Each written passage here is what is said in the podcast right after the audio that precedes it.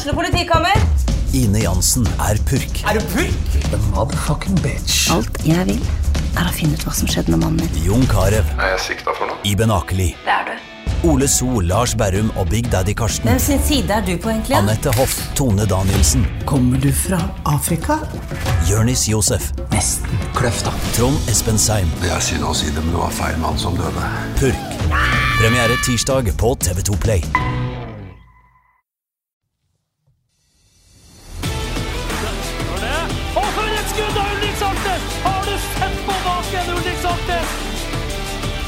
Da er det skåring, og så skårer Bodø-Glimt.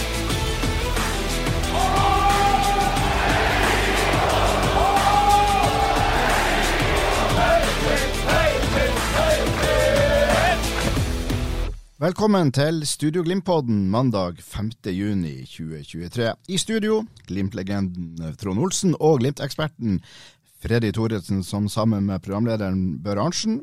Og i dag skal det handle aller mest om triumfen på Intility søndag kveld. Vi må prate litt om Kjetil Knutsen og Ajax-ryktene igjen, og selvsagt også litt innom neste eh, kamp. Og det er jo allerede nå på onsdag, og det er en tredje runde kamp i cupen mot Ranheim i, eh, i Trondheim.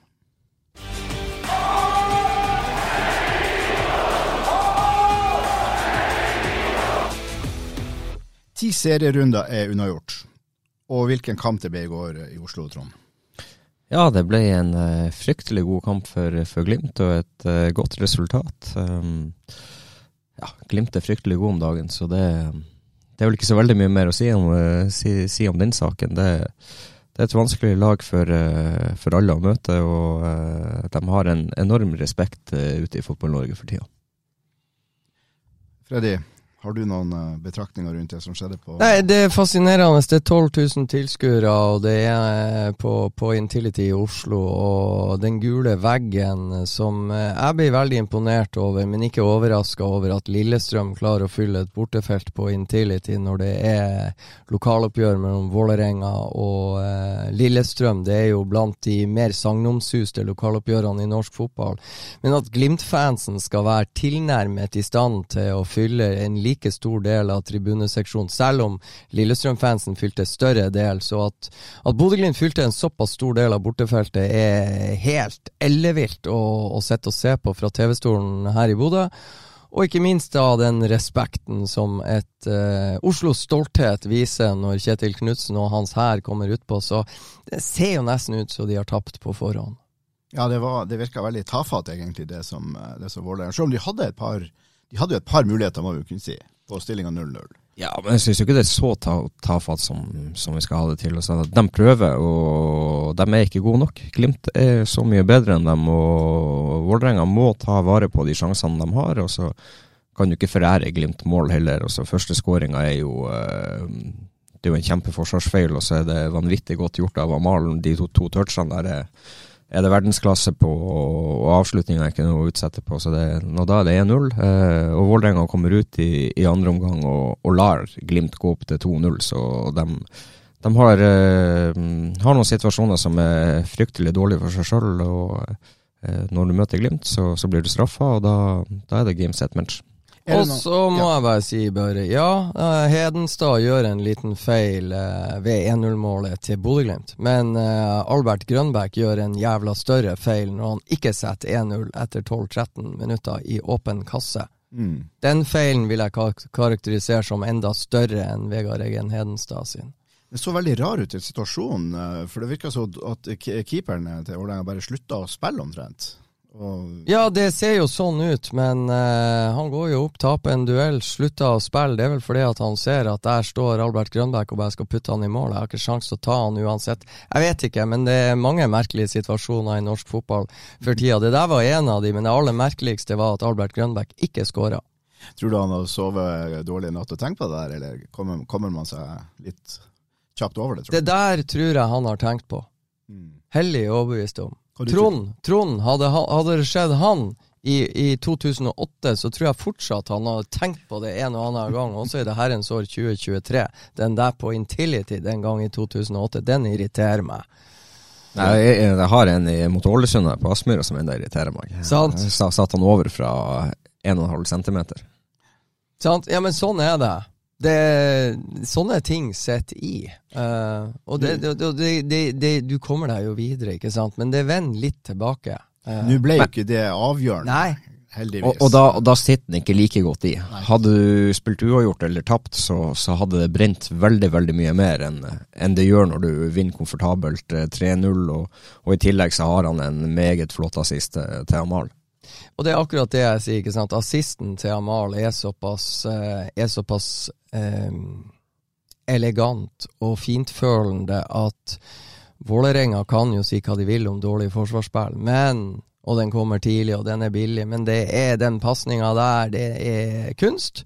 Og timinga med, med løpet til Amahl Pellegrino, og måten han legger til rette, og måten han setter han eh, ned i hjørnet på, ikke sant. Det er det er sånne ting som det er litt vanskeligere å forsvare seg mot enn man egentlig er klar over. Det kan vi være helt enige om, men en motstander mot Glimt kan ikke starte sånn som starta andreomgangen heller, for da blir du brutalt straffa av Glimt. og det, Da har Glimten kvaliteten, og de har de gode spillerne som, som tar vare på de mulighetene og, og straffer motstanderen. Så det er mm, ja, eh, alle lag i Eliteserien må opp. og Det er litt sånn som det er for Glimt når de skal ut i Europa. De kan ikke slippe motstanderne til på sånne måter, for da vil de bli straffa. I Norge så har ikke motstanderne den kvaliteten ennå til å straffe dem hardt nok på det. Vi har nevnt et par navn allerede, Albert og, og uh, Pellegrino. Hvilke spillere er det vi skal trekke frem fra, fra kampen i går? Har du noen som øyeblikkelig, du øyeblikkelig tenker på, uh, Trond?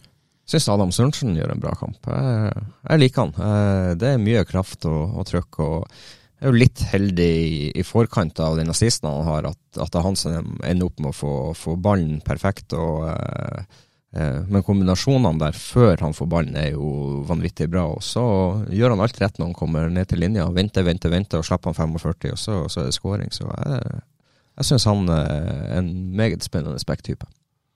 Freddy, har du noen du vil jeg syns jo Brede Mo fremstår som en rimelig OK forsvarsspiller. Uh, det var et understatement. Ja, kanskje. uh, og så syns jeg det er fascinerende igjen at uh, Faris Pemi skårer to mål på bortebane. Han skåra to mål borte mot Tromsø, skåra to mål borte mot Lillestrøm, skårer to mål borte nå mot uh, Vålerenga. Imponerende å ha en spiss som og det er litt sånn forskjellige typer scoring, egentlig. De var jo litt like de i går, da, men det, de er liksom ikke helt ferdig scora. Det er noe med bevegelse, det er noe med å forstå klimaet rundt posisjoneringa der som han blir stadig tryggere på. Uh, og så Det som fascinerer meg aller mest, er intervjuene med Kjetil Knutsen etter kamp. Han er egentlig litt eitrende forbanna at Bodø-Glimt ikke er på stillinga 3-0. At, at lufta går litt ut av dem, og, og at ikke de jakter 4-0 og 5-0 på samme måte som de jakta i starten av uh, andre omgang. Han vil ha mer. Mm. På 3-0 vil han ha mer, og så blir han sur og smeller den der flaska i bakken foran en duell med Patrick Berg og Petter Strand, er det sikkert. da som gjør at han vel får et gult kort eller en tilsnakk fra Tore Hansen. Men det der, han fikk gult kort, ja, men det der at han er så steike gira på 4-0 og 5-0, det syns jeg er fascinerende å se. Og det, det syns jeg er jækla positivt. Og jeg vil gi en liten kaktus til, til Patrick. Uh, han hadde tversoverpasning uh, mot Junkeren som ble mål, og igjen har han ei tversoverpasning som, som det blir mål imot på. Altså, han, Patrick gjør to gode kamper, men han har to feil som blir direkte mål òg. Uh, dem må han få luka bort. Det er konsentrasjonssvikt som som gjør at uh, Glimt har sluppet inn de to målene. Steike bra poengtert. Uh, det er så deilig når han Trond sitter og deler ut litt kaktuser, og det må vi ikke glemme. Det er en velfortjent kaktus, og det er klart Patrick Berg skal være hærfører for et norsk landslag. På, han har muligheten nå til å bli ikke bare hærfører på Bodø-Glimt, men på et norsk landslag som har Martin Ødegaard, Erling Braut Haaland, og som er i uh, viktig kvalik og skal inn etter hvert i viktig kvalik. Og jeg ser Altså om det, det, er vel EM nå, ikke sant? Og så skal det inn i en VM-kvalik etter hvert. Og, og, han har muligheten til å ta kommandoen over eh, det å få lov å være hærfører på det norske landslaget. Da må han på en måte kutte ut de der, der tingene. For i Eliteserien med Glimt så slipper han unna med det. Men det vil han ikke gjøre internasjonalt. eh. Nei, og det er sånne type ting som Han er såpass god at han trenger ikke å gjøre det. Det er hele poenget. Og han har en unik mulighet at en bodøværing skal styre den norske midtbanen til et eh, kommende sluttspill under ledelse av Ståle Solbakken, med en del gode fotballspillere. Så Patrick skal ta steget opp i ryggen til Ødegård og Braut Haaland og de andre superstjernene som er på det, på det norske landslaget. Men hvis vi er litt i avdelinga for kaktus eh, Jeg er ikke helt fornøyd med hvordan vi ser Hugo Vetlesen om dagen. Jeg vet ikke hva dere tenker om det? Jeg er litt enig, og jeg syns også Albert har vært eh, litt på den nedas, nedadgående formen i, i de siste kampene. Jeg syns Albert var veldig god de tre første kampene, og så har han fått en smell i ankelen og vært litt eh, eh, på en eh, nedoverpeak. I går syns han var veldig god. Han, eh, det, var, det var veldig mange eh, riktige steg i, i rett retning. Eh, når det gjelder Hugo, så så har han ikke vært like god som vi, vi, vet at han er, og som vi har sett han tidligere. Men vi skal ikke glemme at sånn som mot Brann, så kommer han jo inn og, og har de forløsende passingene som gjør at Glimt kommer inn i kampen. Så han, han har mye bra for seg, men vi bare forventer litt mer. Vi, vi vet at han Ja, kan er, så mye bedre. Vi er forvent når det gjelder Ja, vi er, vi er, vi er litt godt vent, Ja. vent med han også. Det, er, han er en god spiller, men eh, er ikke helt der vi ønsker at han skal være. Ja, jeg, er enig der, altså. Og det er jo der, det er jo, jeg tipper vi er jo enige, det er mange som også er eksperter utafor dette studio som påpeker at, eh, og en del spillere sjøl, Patrick Berg, at eh, Glimt har mer å gå på. Og det ser vi jo, Glimt har mer å gå på. En av de brikkene som har litt mer å gå på, er Hugo Vetlesen, som enda mer eh, distinkt når han eh, er rettvendt og kommet seg i den posisjonen han ønsker, og er rettvendt eh, 30 meter fra mål. Det handler om valgene han tar, det handler om utførelsen av pasningen og, og, og så videre og så videre. Så han er en av de som har mer å gå på. Det er en sånn der lagmessig helhet hvor Glimt har flere altså Kjetil Knutsen mente at bordet var dekka til å gå for 4-0 og 5-0, og det de burde. Isteden blir det en redusering på slutten eh, av en ung eh, Vålerenga-spiss som kommer innpå. Så ja, det er forbedringspotensial. Hugo Vetlesen er en av de. Og det er litt deilig å se at de stå, står og er litt misfornøyd eh, når de vinner 3-1 og 4-0, og at de kjenner på det sjøl, at det er mer å gå på. De har enda mye mer inne som gjør at de, de kan maltraktere motstanderne mye mer enn en det de har gjort. Så eh, eh, det er veldig godt at de innser de eh, tingene sjøl. Og det var fascinerende tilbake til maltraktering. Det ble 5-1 mot Viking, eh, men de spillerne vi prata med i pressesona etter kampen på Aspmyra, var mest irritert over at de slapp inn eh, det, den reduseringa til Lars Jørgen Salvesen på stillinga 2-0 som gjorde at det ble 2-1, og da at Viking har en mulighet til å komme inn i kampen og få ei utligning. Så var de mindre Ja ja, vi fikk lurt dem til å snakke litt om at det kom tre flotte skåringer fra øverste hylle opp av hatten fra det 88. minuttet og ut. Men det der at de driver og arresterer seg sjøl før de blir arrestert av oss, er et, et solid tegn. Vi eh, fikk jo også se to forskjellige stopperpar i aksjon, ikke, lenge, ikke like lenger riktignok, men vi fikk jo se, det var jo eh, Brede Moe, som du har nevnt allerede, Freddy, som gjør jo nok en fenomenal kamp. Marius Lode gjør jo òg en, hva må vel kunne si, en solid, en solid match. Og så fikk vi etter hvert å se eh, eh, Odin og, eh, og Isak. Nei, ikke Odin, han, jeg tenker på Bjørtuft og, Ja. og Isak. Ja, Od ja, Odin Bjørtuft kommer inn etter 86, og Isak Amundsen kommer inn etter 70. Eh, Brede Mo må ut etter 70 minutter, og da er det Isak Amundsen som kommer inn og får 20 minutter. Eh, og så må Lode ut fire minutter før slutt, da er det Odin. Og eh, fotball er av og til Altså, fotball er uhyre komplisert. Av og til, når du sitter sånn som meg, så kan jeg være enkel og bare si jeg registrerer hvem som er på banen, og Glimt slipper inn mål. Eh, Det er bare en registrering jeg gjør. Jeg sier ikke at det er Isak sin feil, Odin sin feil, men eh, det var 3-0 frem til da. Glimt gjør bytter. Starter med å bytte fra det 70. minutt, og det er jo fra det 70. minutt og ut det som gjør at Kjetil Knutsen blir litt pissed i pressesona etter kampen og mener de ikke klarte å, å jakte eh, 4-0 og 5-0. For ikke sant, det er 3-0, og så begynner Glimt å bytte. Og det er, nå har de så sterk tropp at selv om de bytter, så skal de bare fortsette å valse over. Men det er lettere sagt enn gjort, da. Ja, og Vålerenga gjør òg noen bytter. De uh, slipper inn på tre hva de, 18, 17, 17 eller ja, tre unggutter ja, som, som, kommer inn og uh, ja, bryr seg svært lite om konsekvenser, kun har lyst til å vise seg frem. og Det, det må også vi ta i, i betraktning der. Uh, en flott skåring av, uh, av Vålerenga når de får den sjansen.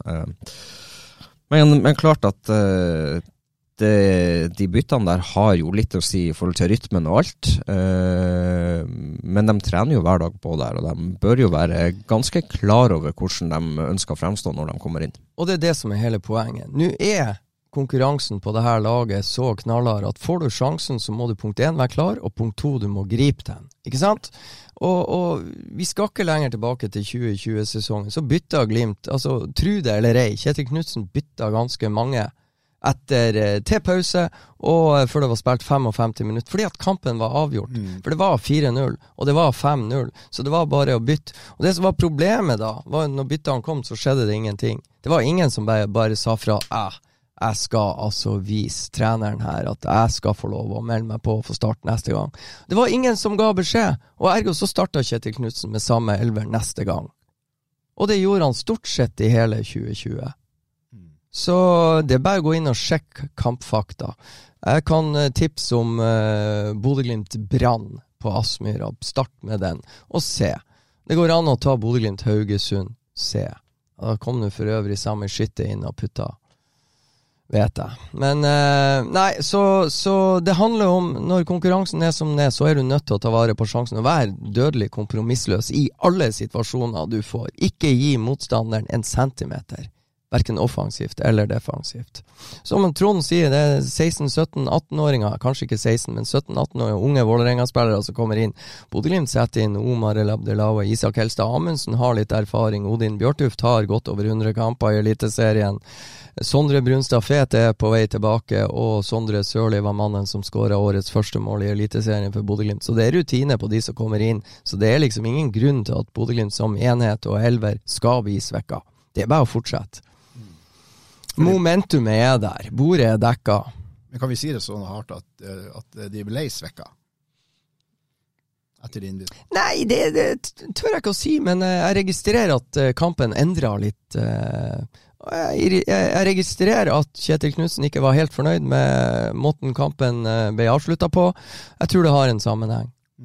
Og så er det jo litt Det, det, det detter også litt etter 3-0, og så ja, gjør jo Patrick den feilen der som, ja. som er litt uh, litt urettferdig i forhold til uh, både Odin og Isak, for da blir de satt i en situasjon som, uh, som, ikke, som ikke, burde ha vært der. Uh, så, så, for deres del så kunne de sluppet unna med, med null i sekken og ja, egentlig en litt bedre følelse enn, det de gjør. Uh, og så er det klart at uh, når du kommer inn, så må du være klar. Du kan ikke være med på å tillate at du skal falle ned, og så må du ha lyst til å bidra med noe. Du må ha lyst til å skåre mål. Det må, det må, gå en liten faen i dag og tenke at oi, her skal jeg virkelig vise meg frem, for uh, jeg vil starte neste kamp.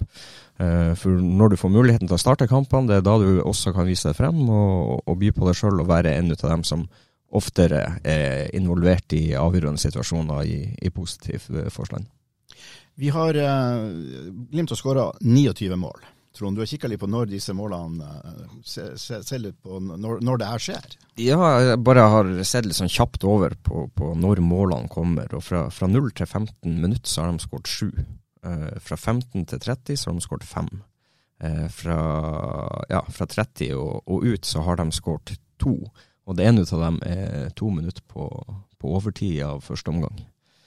Uh, I andre omgang så har de skåret åtte mål fra det 46. til 70.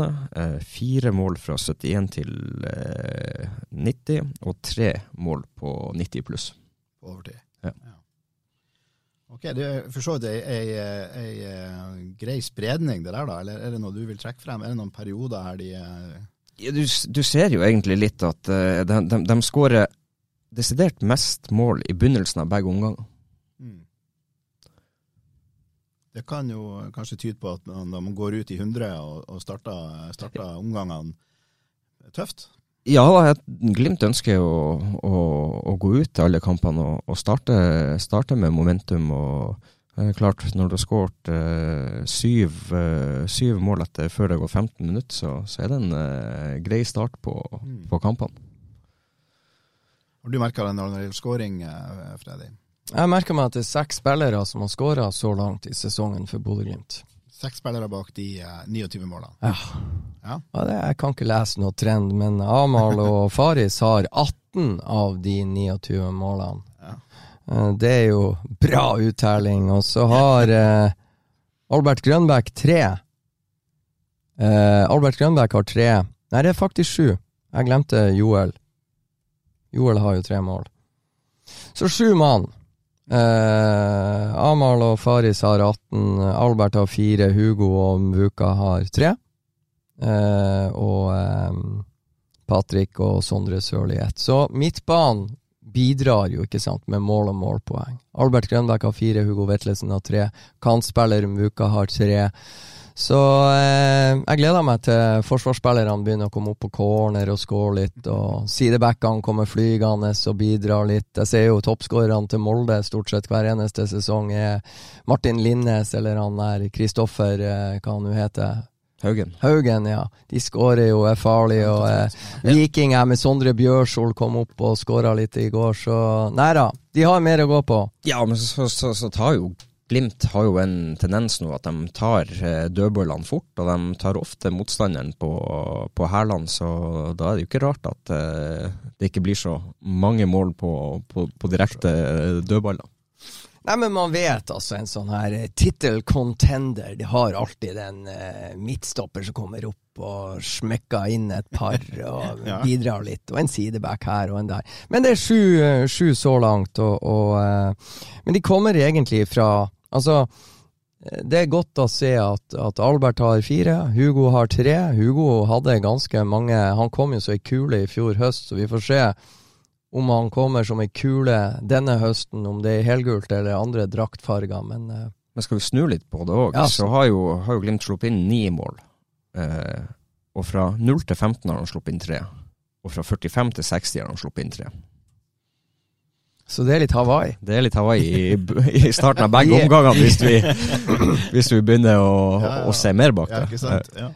Ja, og det er jo ikke sant, det Glimt må, må luke bort. Det er veldig enkelt å luke bort en del ting. Altså, Førstemålet til, til Rosenborg er et, en ball opp til en feilvendt Joel Mbuka som taper duellen mot Edvard, Edvard Takseth, og så går det noen sekunder, så har Rosenborg putta ballen i åpent mål med Sverre Nypan. Og så har du Amahl Pellegrino oppe på Romsa, som får en ball feilvendt og taper duellen, og noen sekunder senere så har Vegard Erlien skåra. Så de to målene går det an å luke bort ved at Joel og Amal tar vare på pasninga de får, og i hvert fall ikke taper duellen.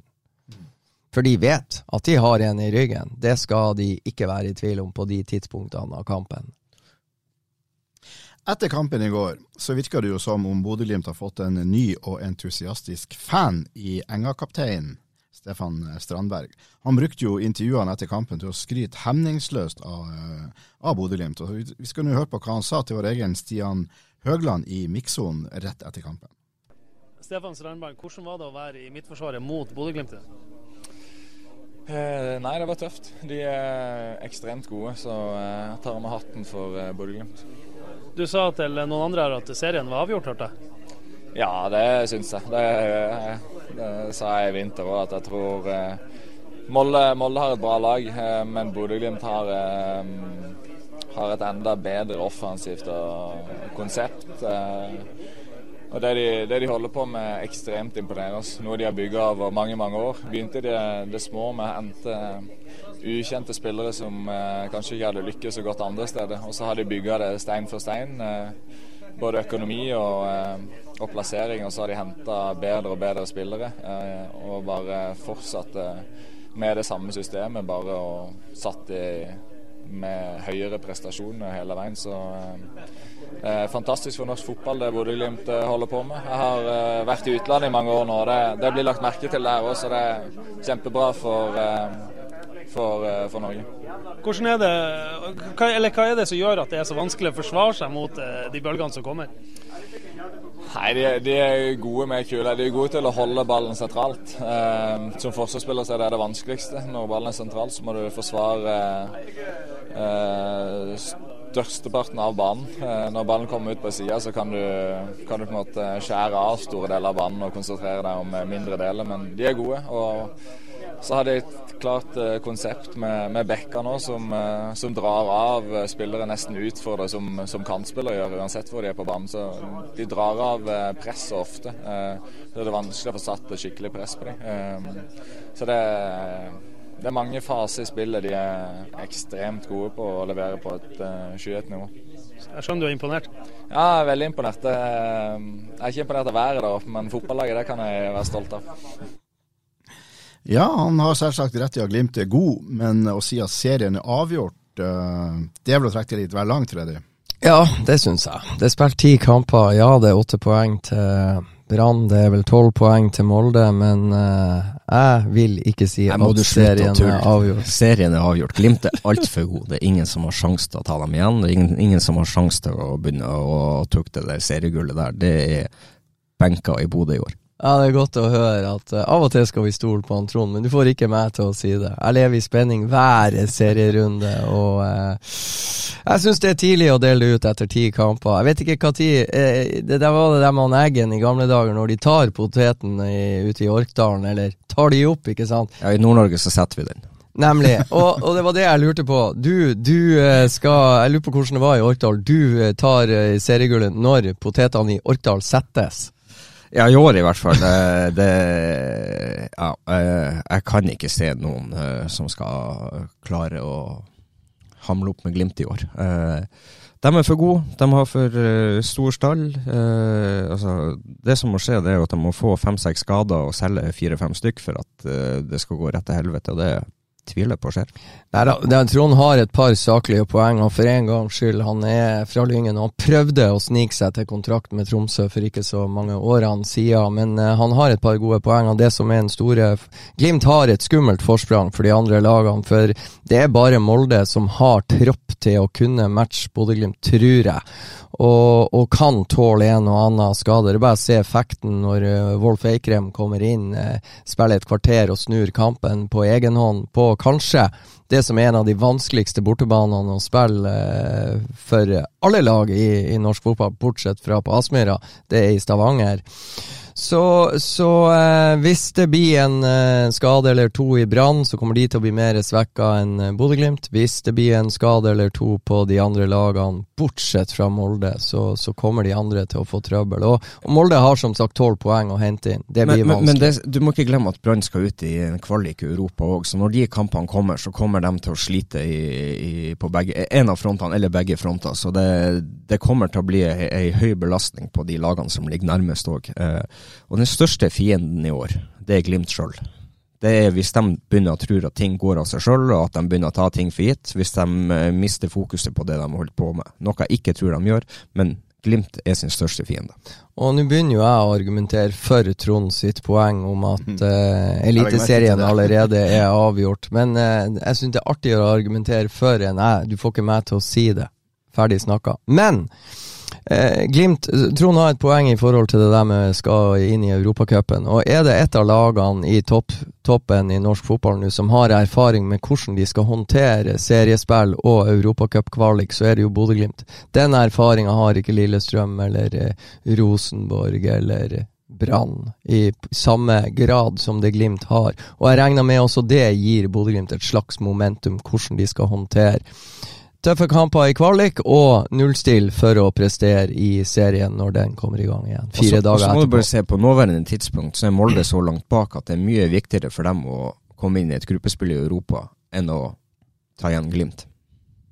Du, du tror med det du sier da, at de kommer til å prioritere i større grad den, eh, altså ja, jeg tror, de, jeg tror, de, kommer til å prioritere en, eh, den kvaliken mye høyere. Eh, og, ta sikte på å bli nummer to enn uh, en å prøve å ta igjen Glimt. Uh, spesielt hvis de ikke er mye nærmere når kvaliken begynner. Nå har han et steike godt poeng igjen, for hvis vi går tilbake til Wolf Eikrem Hvis det er snakk om å spille 45 minutter i en kvalik, kontra å spare seg i en eliteseriekamp uh, fire dager før, eller fire dager etter, så tror jeg også det kommer til å skje. For effekten eh, til Magnus Wolff Eikrem i dette Molde-laget, det fikk vi sett i, i går, og den er, den er, ekstremt fascinerende. eh, Hva han klarer å utgjøre på litt sånn eh, støle bein. vi skal komme tilbake til den, men da konstaterer jeg bare det at eh, 5. juni så har Trond Olsen erklært Bodø-Glimt som seriemester i 2023. Det er 20 kamper som gjenstår. Og, og det er 20 gode kamper for Glimt sin del. De har spilt eh, ti kamper, ni seier og én uavgjort. Hvorfor i alle dager skal de begynne å tape kamper? Skal jeg ta en annen ting som er litt interessant, bare. Ja. Hvis du ser på tabellen, det består av 16 lag. Uh, Bodø-Glimt har møtt Ålesund, som ligger på bunn. Det er en del lag Bodø-Glimt ikke har møtt i år. Uh, lag nummer 12, Sandefjord, skal Bodø-Glimt spille mot to ganger. Lag nummer 13, Haugesund, skal Bodø-Glimt møte to ganger. Lag nummer 14, Strømsgodset, skal Bodø-Glimt møte to ganger. Og lag nummer 15, HamKam, skal Bodø-Glimt møte to ganger. Og første kamp i serien er HamKam hjemme. Neste kamp i serien Strømsgodset borte. Så det er klart, eh, Bodø-Glimt har eh, skapt seg det forspranget de har på tabellen nå, etter ti kamper, uten å møte fire av de fem nederste lagene i serien.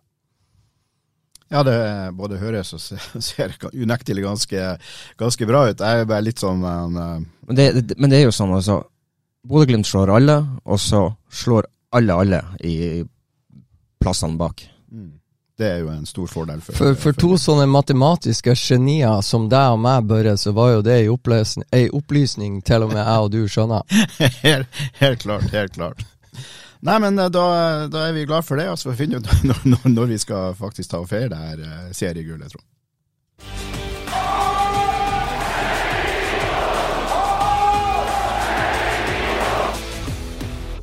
Så må vi snakke litt om resten av serierunden i går, og vi kan jo starte med den kampen vi egentlig allerede har vært litt innom allerede, nemlig kveldskampen søndag kveld. Viking-Molde 3-4. Uh, det var jo en, en, en fest av en fotballkamp.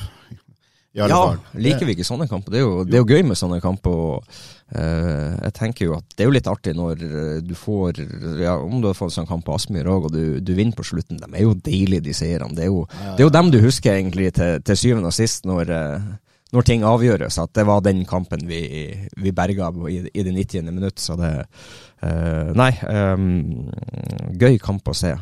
det var mye, mye trøkk i den kampen, og to OK lag som, som var på banen absolutt. Det er jo selvfølgelig uh, Wolf Eikrem det blir snakka mest om, hans impact når han kommer inn. Uh, men det er jo også litt naivt, syns jeg, det som Viking holdt på med helt på slutten, når de nå har en mann utvist, og, er, og de, bare, de bare gønner på. Jo, man blir jo fascinert av det òg. Altså, det er jo faktisk vel, det er jo tøft, men det, det blir jo seende ganske ja, naivt ut da, når de uh, angriper deg på den uh, ja, det er jo fullstendig hodemist å sende alt i angrep og så bli tatt på, på hælene på den måten der. Uh, hadde, du, hadde du kommet opp og skåret der, så hadde du blitt genierklært, men uh, i, som, som, regel så blir du straffa hardt når du sender i vei alt der. Og når, når Molde får den kontringa og Eikrem får ballen, så, så er det farlig. Mm. En fantastisk fotballkamp, og måten Emil Breivik starta festen med å lempe ballen, smør smøre ballen opp i motsatt vinkel. er hysterisk å se på, og så kriger Viking selvfølgelig inn i utligning fire minutter senere, og da er jo på en måte festen starta. Og jeg blir imponert over måten Breivik finner Ola Brynildsen på når Molde setter 2-1. Det er fotballkunst på høyt nivå. Uh, og så er jeg veldig fascinert også av Mon, For jeg mener, dere får justere meg her nå, men jeg mener jo at Viking får skapt litt trøkk med én mann mer på banen. Ballen er ute til høyre, og de kan svinge han inn i midten. Og de har klart å løfte opp noen folk. Og jeg er jo av den uh, formening at det å få et innlegg fra sida kan bli farligere enn på en måte ei lyre midt i banen. Og istedenfor å svinge inn når det er et snev av balanse i det vikinglaget, så blir han litt feig, og så vender han tilbake til en stopper som sender tilbake til keeper. Og så kommer det et press, og så slår keeper opp rett frem. Og så kommer da kontringa til Molde i et vikinglag i ubalanse. Og det Jeg tror det er sånn den er, og, men, men eh, når jeg så det var Wolf Eikrem som kom opp jeg, Det tok litt tid før jeg skjønte oi, det er han som har ballen, ja. Nå, og det er én mann i midten, ja. Det er farlig. Jeg så at Viking hadde jo kontroll der, men eh, det var Wolf Eikrem som hadde ballen. Traff du han ene mannen? Ja, selvfølgelig traff han han ene. Mm. Og det Ja, men det er vi helt enige om. Men, eh, men uh, forsvarsspilleren til Viking der som, som slipper Brynildsen, det er én mann å ta vare på. Ja. Og det, er, Det er det, det er ballwatching de luxe der, Ja. og ingen kontroll på mann bak rygg, så det, det er forferdelig forsvarsspill. Jeg er helt enig. Jeg er helt enig, men jeg tror jo at det ser ut som at det her er det full kontroll, og så er spenningsmomentet mitt Wolf Eikrem, klarer du å prikke han ene der? Jo, absolutt. Selvfølgelig klarte han det. Men det var en flott kamp. Eh, Og ikke minst måten Viking snudde det på. Ut fra startblokkene i andre omgang og snudde 1-2 til 3-2 før andre omgang starta. Ja, fascinerende kamp. De må ha følt seg bra, eh, bra snytt etter, etter når de klarer å snu. og Det er jo en enorm prestasjon, og så roter de det vekk. Ja, de har egentlig full kontroll. Så kommer Wolf Eikrem inn etter 67 minutter, og da ble det en ny kamp. Like dårlig følelse for Viking som den gode følelsen for Molde når de klarer det der på, på Og, og, og måten utligninga på den var, var et ganske fint angrep, det òg. Ja, det, det var det. Men, men, men jeg sitter og tenker på rødkortet. Ja. ja jeg syns det er forferdelig strengt. Altså Hvis det der er bevisst og skal sparke han i, i ansiktet av det, så ja. Ja, når, du, når du ruller rundt på den der måten, totalt ukontrollert, og bevisst klar å, pan, å pælme Eller parkere, plassere hælen i trynet på en motstander, da er du, da er du god. Opp ned.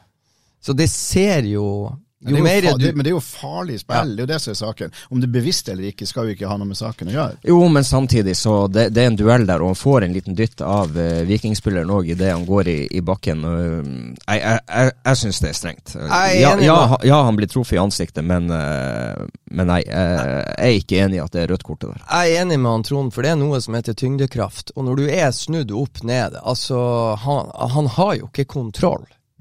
Eh, han har jo ikke kontroll på sin egen kropp, og så kommer det en akkurat inn i der han har retning.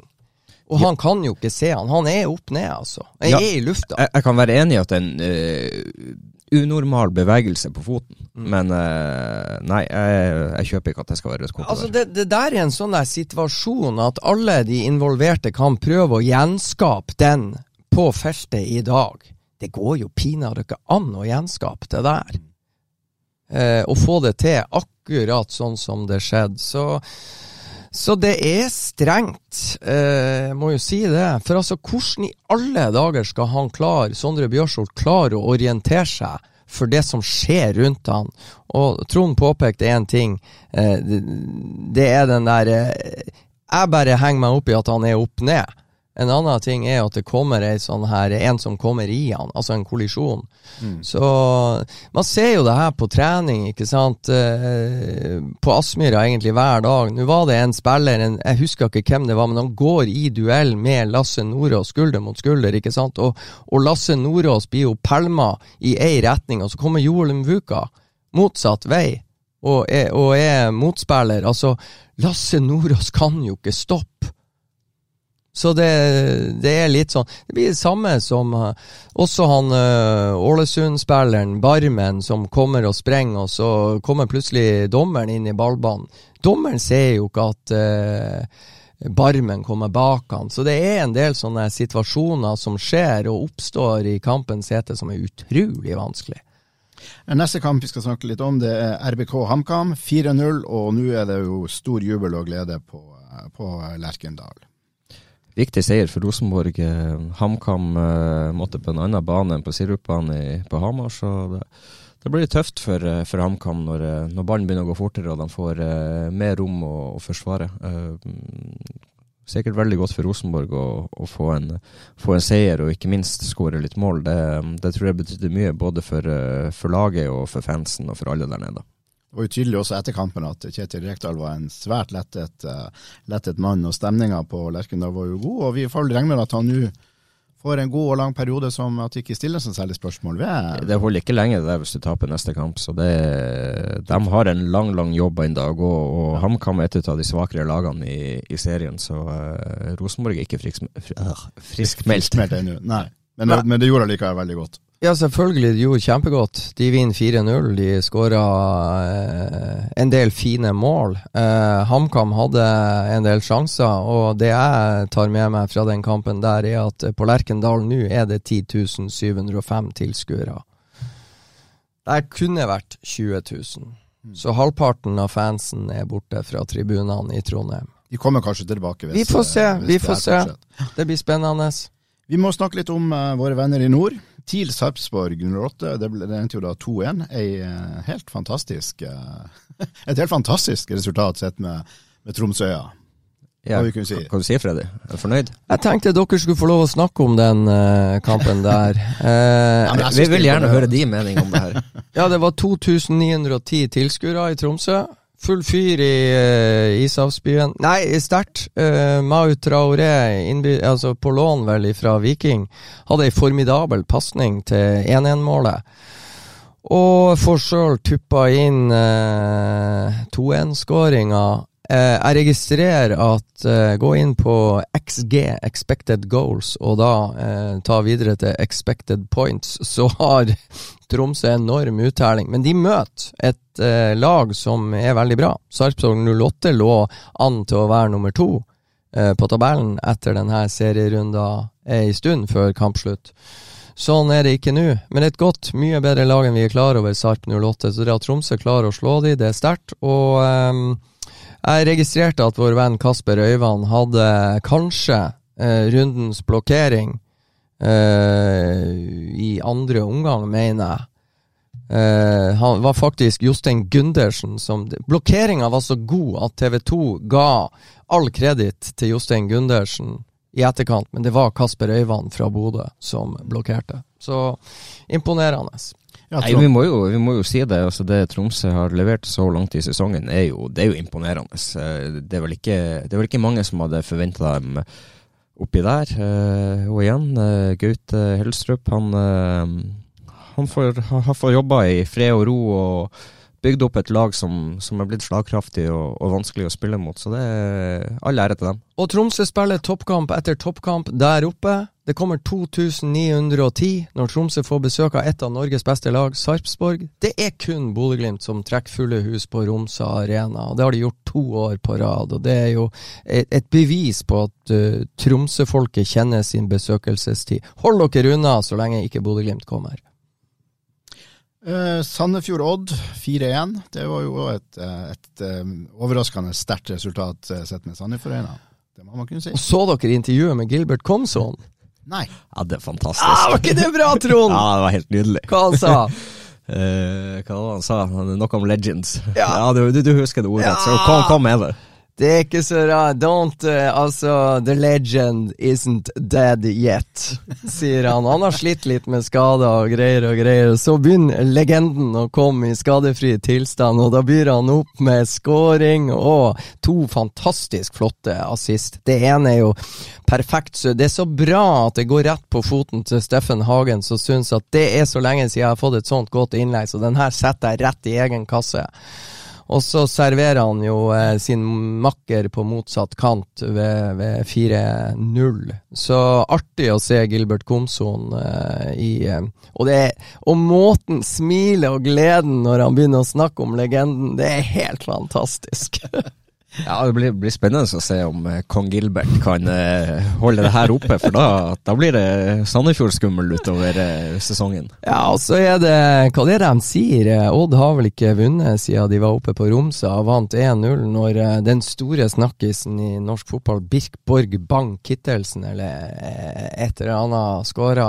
Um, så eh, Paco og Odd sliter big time. Eh, den så jeg ikke helt kom. De har jo eh, det er jo andre gang i år de slipper inn fire mål mot Sandefjord. Sandefjord slo dem vel 4-0 i cupen. Da ligna jo ikke forsvarsspillet grisen, og eh, de har en de jobb. gjorde det i går. Ja, i går ligna det grisen, faktisk. Så nei, fascinerende hvor det svinger. Lillestrøm-Stabæk 3-1. Ja, de har jo en fryktelig god spiss der nede, som, som nesten er ustoppelig. Eh, jeg er veldig spent på hvor lenge Lillestrøm klarer å beholde han, for eh, jeg syns han er fryktelig god. Og det ja, Glimt har en god spiss, men eh, det har Lillestrøm òg. Og det visste vi.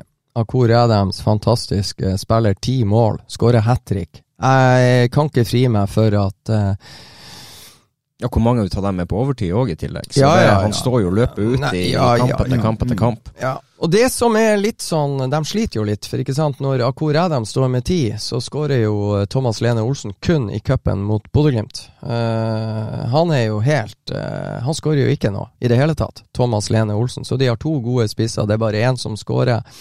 Men uh, Stabæk Altså, det her er jo to lag som begge to ble slått ut. Ullki, eh, Lillestrøm ble slått ut av cupen noen dager i forveien, og Stabæk ble slått ut av Kjelsås, tror jeg.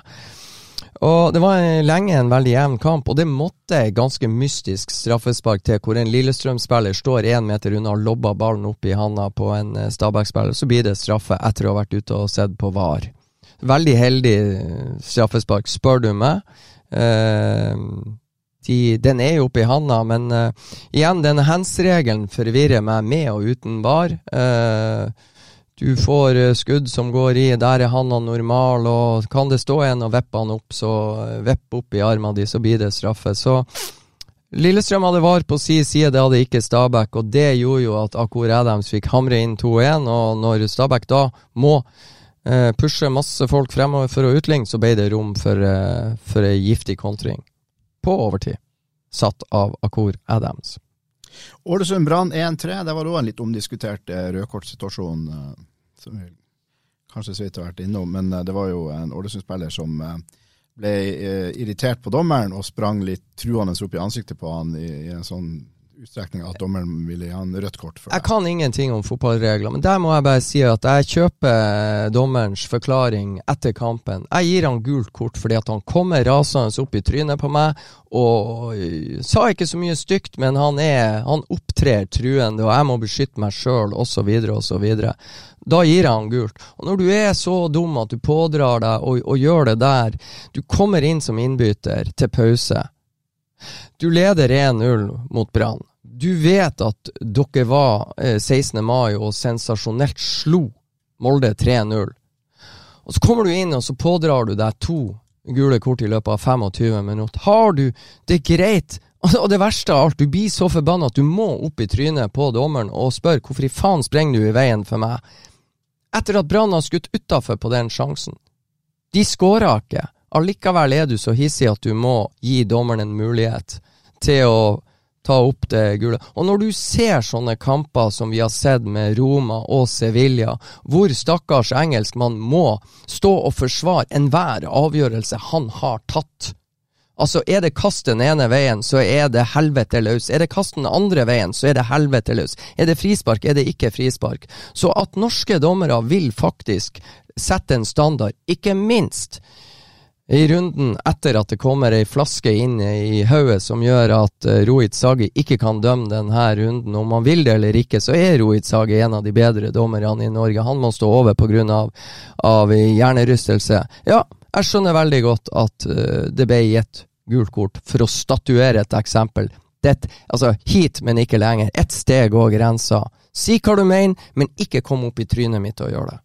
Og så er det flott av dommeren som stiller opp til intervju, forklarer situasjonen er rolig og beherska. Og, og igjen, eh, Barmen er jo inne i garderoben etter kampen og Og prater ut det- det. Og, og, og de løs, har løst situasjonen, og alle, alle gode venner. Så eh, stor ros til både dommer og Barmen for akkurat det. Helt klart, og så ødelegger Barmen kun for seg sjøl Og laget. og laget. Og det må han og laget ta lærdom av. En kamp igjen, vi bare nevner det så dere ikke har noe spesielt å si om den. Det er jo da Godset Haugesund 1-2. Den har jeg fått med fint lite med, så jeg har ingenting å nevne. Det var en uh, Godset fikk uh, to mål annullert. Veldig, veldig, veldig, veldig veldig marginalt uh, pga. offside. De har uh, Og det er sikkert rett, men eh, jeg skjønner godt at de følte seg litt grann sånn snytt. Men så må jeg også si at hvis de Altså, det var to avgjørelser, ikke sant, som går imot dem. Men Haugesund hadde en del sjanser som var så store at Haugesund kunne ha drept dem lenge før de her, eh, den siste, i hvert fall annulleringa, oppsto. Og ikke minst, de hadde også sjøl muligheten til å, eh, til å score utenom disse to som ble marginalt tatt for offside. Så det går ikke på skinner i Drammen, nei, det gjør ikke det. Og for et skudd av Ulrik Saltnes! Har du sett på baken, Ulrik Saltnes? Da sier vi oss fornøyd med den eh, serierunden der, og så skal vi snakke litt om Kjetil Knutsen igjen. For eh, i går så lot han seg jo intervjue i Søk og Kav, Kjetil, og fikk jo selvfølgelig spørsmål om, eh, om Ajax og ryktene om interessen der. Og han eh, sa jo eh, gjentatte ganger at eh, han forholdt seg ikke til noe annet enn den kontrakten han har med Glimt, og at han eh, var 100 fokus på Glimt, og det, det er Glimt som gjelder.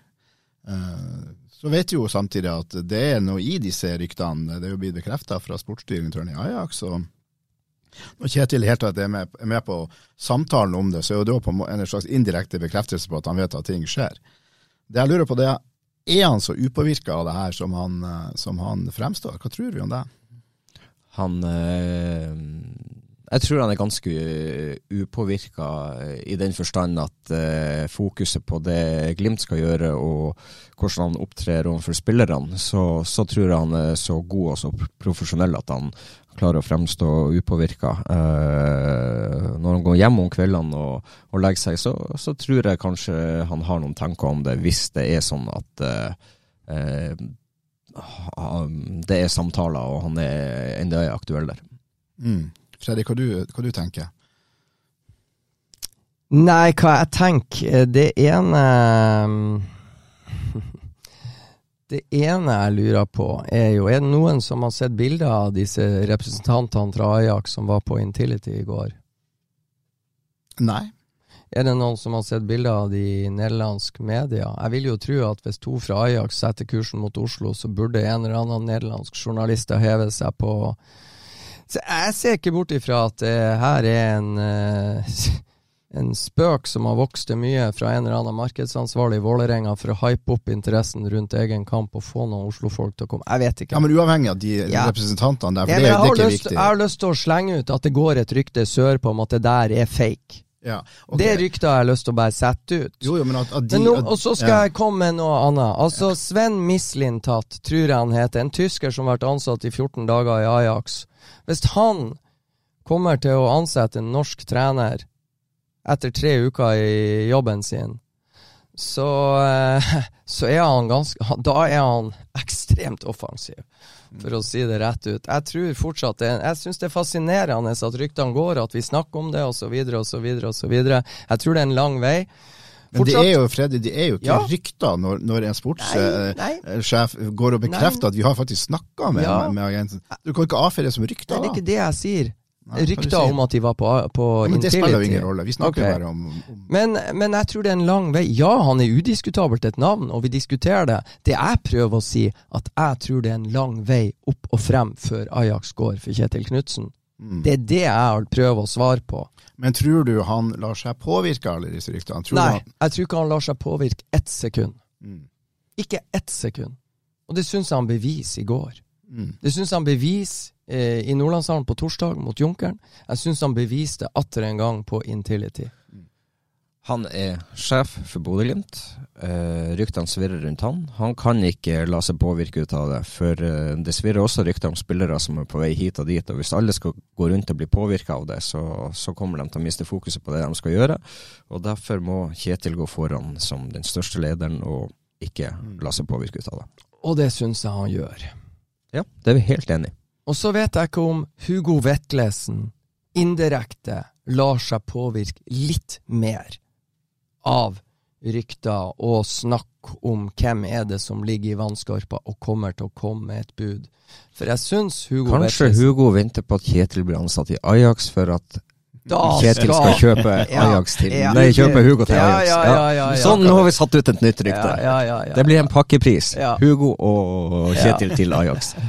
Ja da. Det, nei da, så, så um, Jeg syns det er fascinerende. Hvis man sjekker litt i Nederland, så får man litt sånn delte oppfatninger, selv om det skrives veldig, veldig mye. Så det er klart, Ajax er helt stoff i Nederland. Mm. Men hvis man sjekker med Man får litt sånn forskjellige opplysninger hvis man snakker med nederlandske journalister. Og det er òg litt sånn interessant å smake på. Det er en av eh, Europas største klubber. Det er en av Europas mest suksessrike klubber. Eh, de har enorme tradisjoner. Det er milliardbedrift. Som ikke har hatt en trener utenfra Nederland siden Morten Olsen i det forrige årtusen. Så at de skal At, at de skal stoppe rekka med Kjetil, eh, med Kjetil Knutsen fra Bodø-Glimt og Norge, ja, den sitter litt inne. Men det er utrolig fascinerende å følge spillet. Ja, ja, ja. Mm. Og jeg syns Kjetil Knutsen står meget godt i det. Og for et skudd av Ulrik Saltnes! Har du sett på baken, Ulrik Saltnes? For andre gang i år, faktisk, så skal Glimt til Ranheim for å spille cup.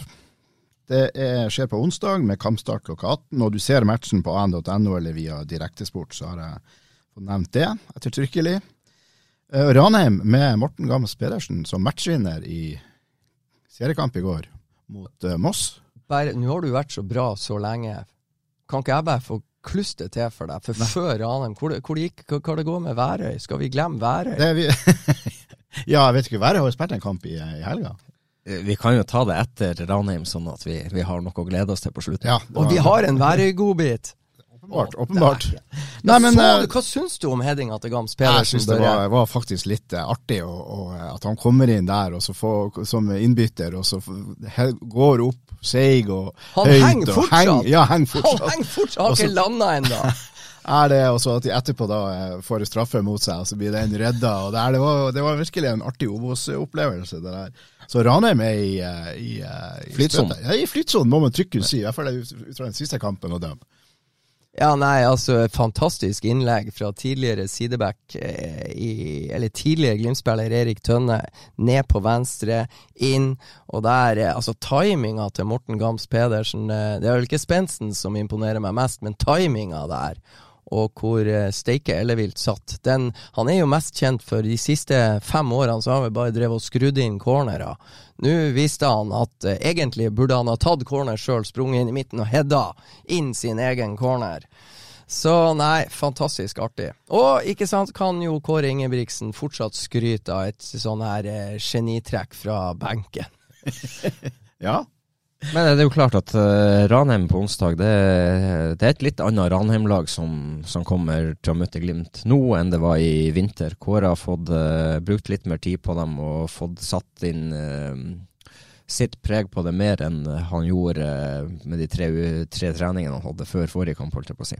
Ja, det var jo debuten som Ranheim-trener. Det var altså første kamp som Ranheim-trener, så offisiell kamp, er altså Bodø-Glimt i cupen. Det endte 4-0, og han eh, har jo røpa at han har tatt noen klipp fra den kampen og vist brukt, brukt og pedagogisk. Brukt, brukt pedagogisk i, i, i den måten han ønsker at Ranheim skal spille fotball. Så uh, vi får se om de har øvd. Jeg var på tråden med Kåre Ingebrigtsen ti minutter før trekning, og jeg var på tråden med han i, i det, det var litt tilfeldig. I det sekundet det var klart at det var Bodø-Glimt gange for, for andre gang i år.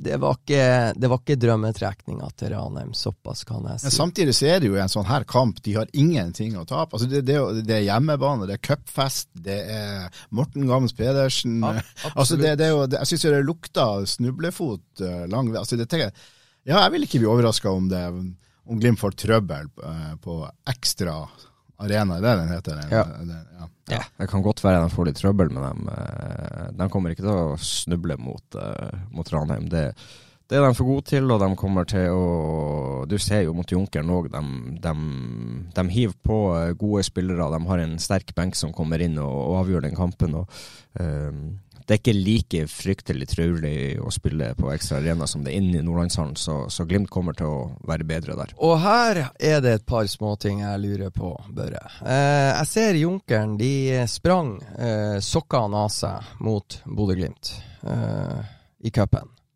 Ja. Og så har de ny hjemmekamp, og eh, de var jo ikke i nærheten av det nivået hjemme mot Sotra. Taper 2-0. sant? Ranheim nå eh, er kjempe om opprykk i aller høyeste grad i en Obos-liga som er såpass jevn, hvor egentlig ingen lag har tatt momentum. KBK er mye dårligere, svakere enn det man eh, regna med. Du har på en måte Kongsvinger som fikk en dårlig start, og så kommer de litt i siget. Så de to plassene om opprykk nå er, er det bare å gripe fatt i. Sogndal, Ranheim, Kongsvinger, ikke sant? Nå ble det mye tøffere mot Moss, nyopprykka lag, enn det burde være på Ekstra Arena i Ladefjæra. Uh, det måtte en 42-åring som viste frem spensten sin for at uh, Ranheim tok de tre poengene mot et nyopprykka lag. I tillegg ei hy hysterisk strafferedning uh, på overtid der. Og ikke snakk, for ikke å glemme returen på den straffa, som han også redder.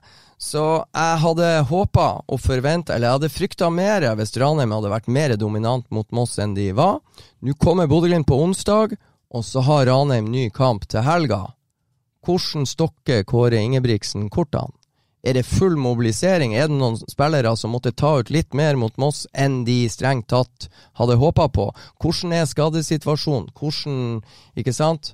Så um, det jeg vet, er at Glimt har litt fyldigere tropp å, å, å, sette inn, så jeg er spent på hvordan Ranheim angriper det der. Går de all in på å sende Bodø-Glimt ut, eller er de nødt til å spare seg litt for kampen til helga? Trond, du har jo allerede i denne sendinga 5.6.2023 sagt at Glimt er seriemester. Er de cupmester òg?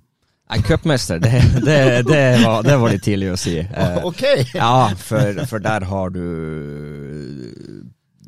der har du noen kamper som kommer inn i eventuelt eh, hele det kjøret med Europa utpå høsten, og da, da, kan det være eh, ting som skjer, og du kan være, eh, ha, ha litt karantene, du kan ha skader, du kan ha Er du pudding eller saklig nå?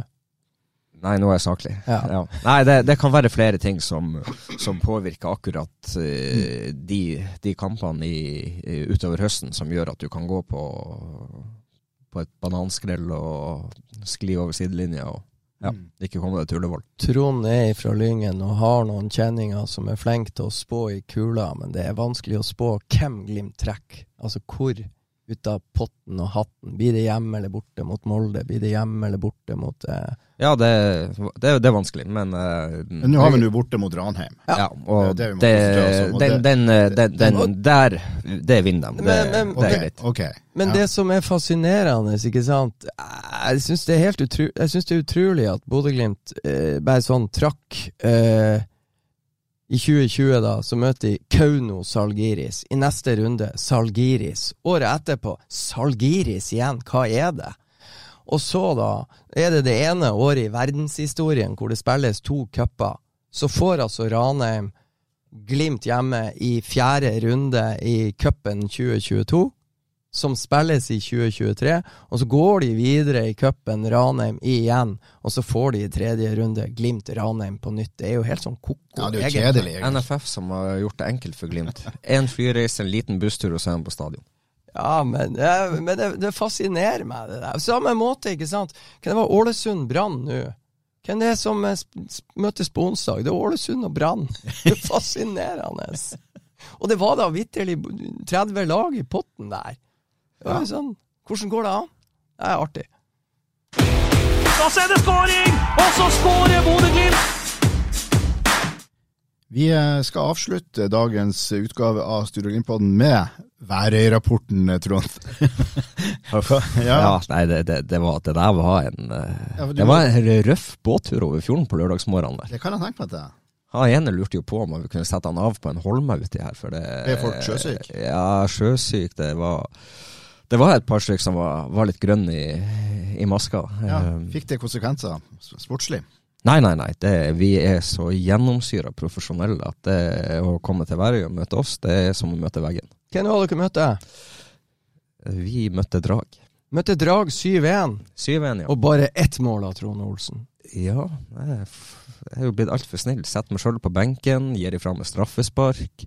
For, for øvrig det verste straffesparket jeg har sett etter Danny Cruise. Fortell litt om uh, Var det ikke en som skåra hat trick? Ja, Sofian. Han uh, putta tre. Uh, meget god prestasjon. Uh, bra spiller som eh, som er vanskelig å møte, og eh, ja, han er en veldig god femtedivisjonsspiller. Ligger dere an på tabellen?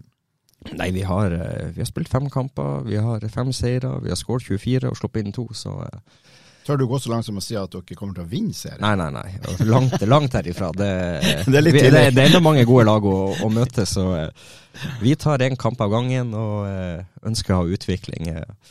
Så driver vi og snakker om det. Altså, vi, har, vi har gjort ganske mange gode førsteomganger, og så stopper det litt der. At det, blir litt sånn eh, traurig utover andre omgangene. Vi blir eh, litt for hete og har lyst til å, alle har lyst til å skåre mål, og så blir det litt eh, Hawaii. Så eh, utviklingsmålet vårt er å bli enda bedre og stå kampene ut. Ja, Utviklingsmålet målet mitt Børre, er bare når jeg har treneren til Værøy her, så er ikke jeg helt fornøyd med været vi har hatt i Bodø hele mai. Eh, siden du er trener for Værøy, går det an å spørre om du vet noe om været som venter oss i Bodø i juni? Ja, det blir verre. Det blir verre, ja. Ja, da tror jeg vi bare sier at det var det vi rakk i denne utgaven av Sture Glimt-podden. Hvis ikke du, Freddy, som vanlig har et eller annet du vil eh, Ja, vi gleder oss til onsdag, og blir det pod før eh, HamKam kommer på besøk på på Aspmyra, tror jeg. Det satser vi på. Absolutt. Vi satser på en ny pod på fredag. Og da får vi sikkert siste nytt foran storkampen Bodø-Glimt-HamKam på Ja, Aspmyra. Lite spørsmål, Ja. bare. Ja. Skadesituasjonen på Fredrik André Bjørkan. Ja, jeg vet ikke. Du vet ikke noe mer? Nei, altså det jeg vet var at eh, det der eh, De har tatt bilder, og antageligvis så så de noe arrvev fra tidligere, så det skulle ikke være eh, veldig alvorlig og veldig langvarig. Det var det jeg hørte, men så registrerer jeg jo at han ikke var med i troppen sørover. Så vi må jo la dem De kom i går kveld, og så må vi jo sjekke opp og følge med når de etter hvert begynner å vise seg frem på trening denne uka. Men så jeg sier hva status var i helga, vet jeg ikke konkret. Har du hørt noe rykter? Nei, det er derfor jeg spør. Trond Olsen og Fredrik Thoresen, tusen takk for at dere kom, og tusen takk til alle dere som hører på. Og for et skudd av Ulrik Saltnes! Har du sett på baken, Ulrik Saltnes? Så er det skåring, og så skårer Bodø-Glimt.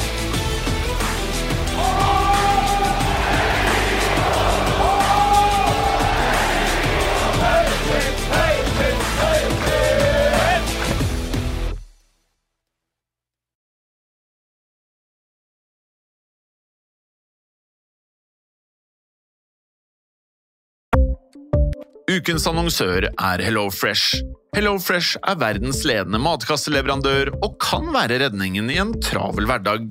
Mange av oss har nok vandret i butikken både sultne og uten en plan for middagen, som ender med at vi går for de samme kjedelige rettene gang på gang.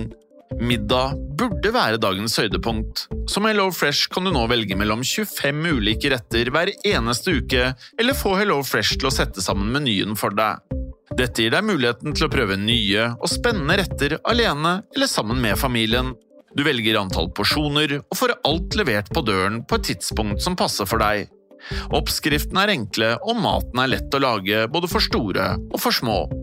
Ved å få alt levert hjem får du også mer tid til å dele matgleden med familie og venner. Kanskje det frister med asiatiske tacos eller greskinspirert kylling?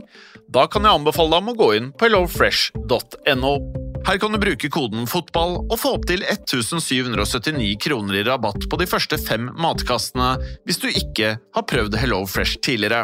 Du kan også bruke rabatten hvis du har vært kunde og stoppet abonnementet ditt for tolv måneder siden eller lengre. Gå inn på hellofresh.no og bruk koden FOTBALL.